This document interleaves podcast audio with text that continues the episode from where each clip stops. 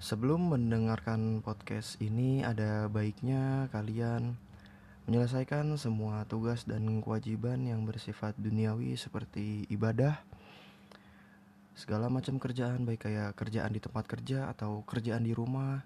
Dan buat yang masih pada belajar, jangan lupa ngerjain PR. Ya kalau udah, selamat datang di Bangku Putih. Selamat pagi, siang, sore, malam waktu planet bumi di galaksi Bima Sakti. Asik. Kembali lagi di Bangku Putih. Selamat datang di seri podcast Gorengan Gosong Tukang Abu Gosok. Tapi sebelumnya gue mau minta maaf.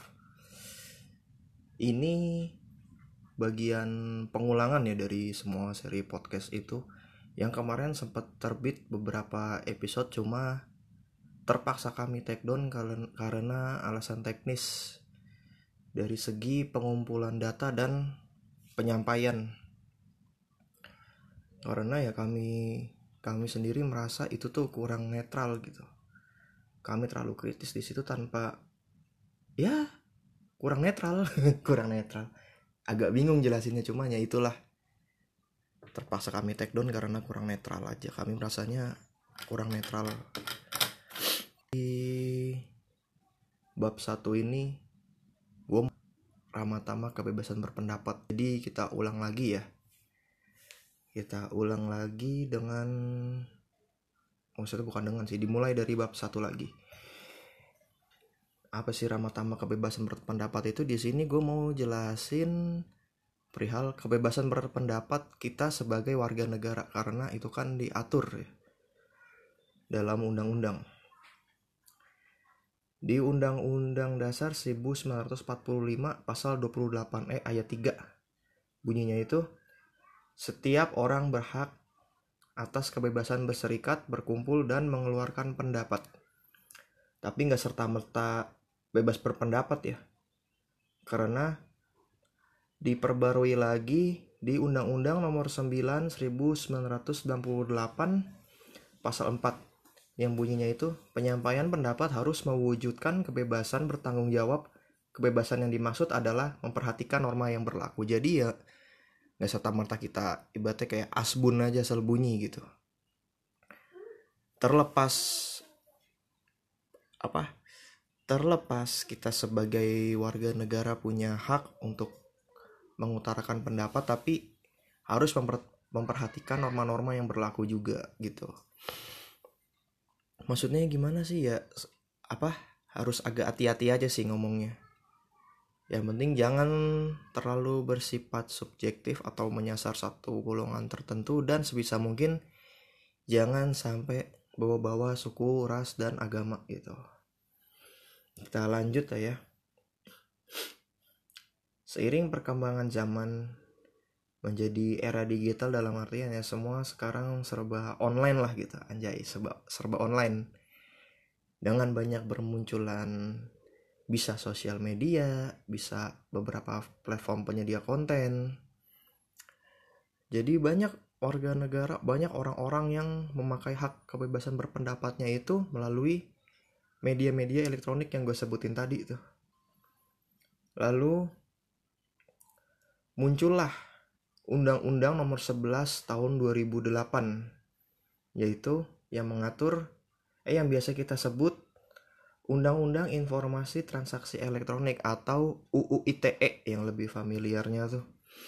UU ITE ini undang-undang yang mengatur tentang informasi serta transaksi elektronik atau teknologi informasi secara umum. Dalam artian UU ITE ini bisa menjadi patokan bagaimana kita berpendapat melalui media elektronik secara baik dan benar gitu.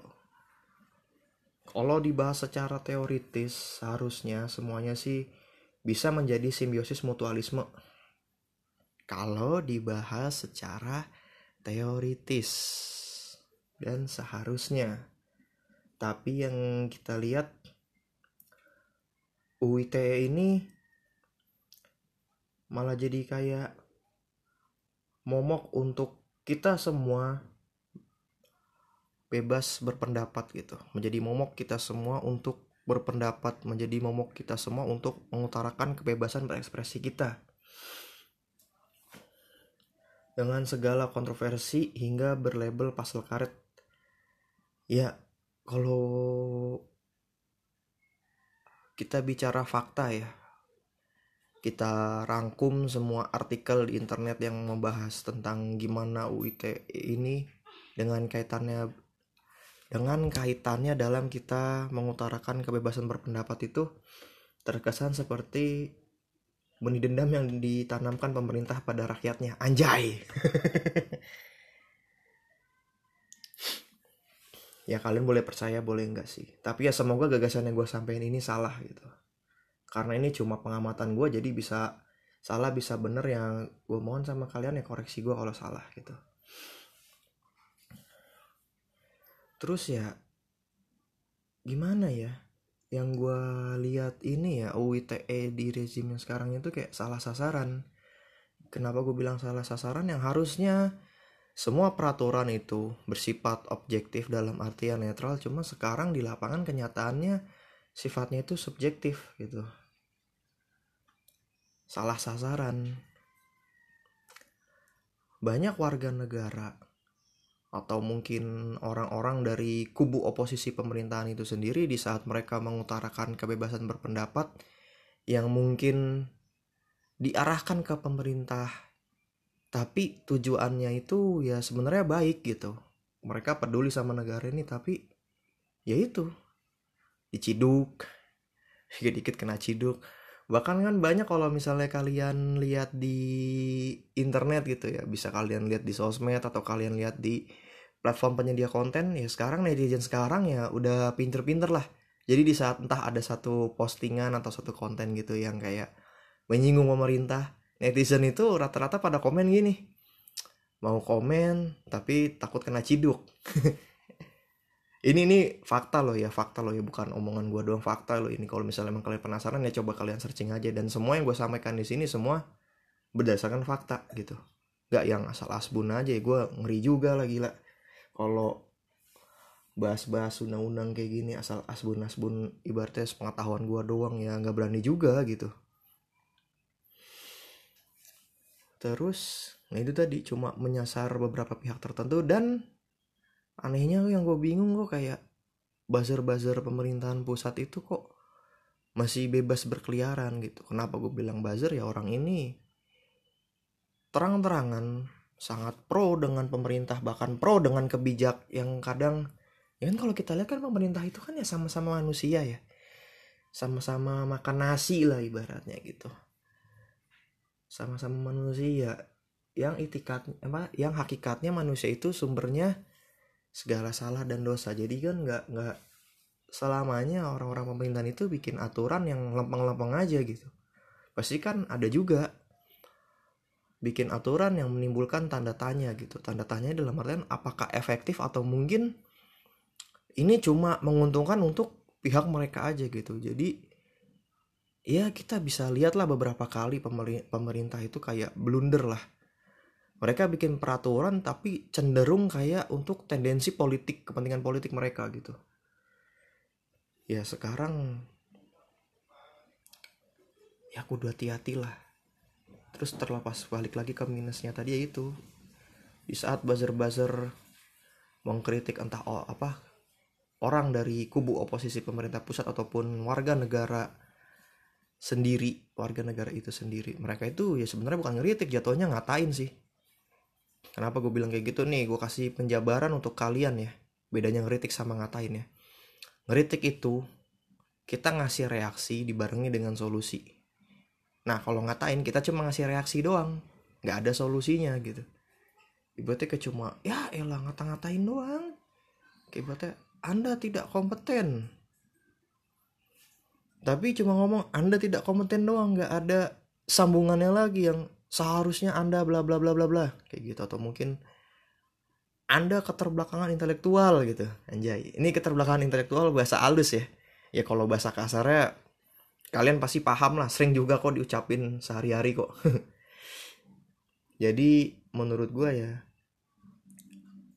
cukup sampai di situ sih. Eh cukup sampai di sini sih. Untuk bab ke satu tentang ramah tamah berpendapat lagi apa itu tadi gua ulangi lagi ya gua peringkas ya pesan intinya itu eh bukan pesan inti secara garis besar dari podcast yang gue bawa ini nih supaya kalian bisa lebih makin ngerti lagi sebenarnya kita sebagai warga negara punya hak untuk berpendapat dan itu udah diatur dalam Undang-Undang 1945 di pasal 28E ayat 3. Tapi harus memperhatikan norma-norma yang berlaku seperti yang disampaikan di Undang-Undang Nomor 11 Tahun 1900 eh sorry sorry. Undang-Undang Nomor 9 Tahun 1998 di pasal 4 itu yang mengatur normanya. Dan sekarang ditambah lagi dengan munculnya dalam tanda kutip ya pasal karet UITE gitu. Di tengah rezim dengan segala peng, apa peraturan yang terkadang terkesan absurd gitu ya sebisa mungkin kita harus mengandalkan fakta dan mengas, apa mengesampingkan opini karena bisa memicu terjadinya penggiringan opini publik dan terjadi pelanggaran. Ya pada akhirnya gagasan yang nggak nyampe kitanya diciduk gitu. Ya intinya hati-hati aja kalau misalnya mau berpendapat ya kayak di seri podcast gorengan gosong tukang abu gosok di bangku putih yang nanti bakal diterusin. Sebisa mungkin kami bakal coba hati-hati dan sebisa mungkin kami tetap bakal coba netral nggak kayak jadi podcast kemarinannya yang sempat di take down gitu. Jadi itu aja sih pesan apa podcast singkat dari gue sampai ketemu di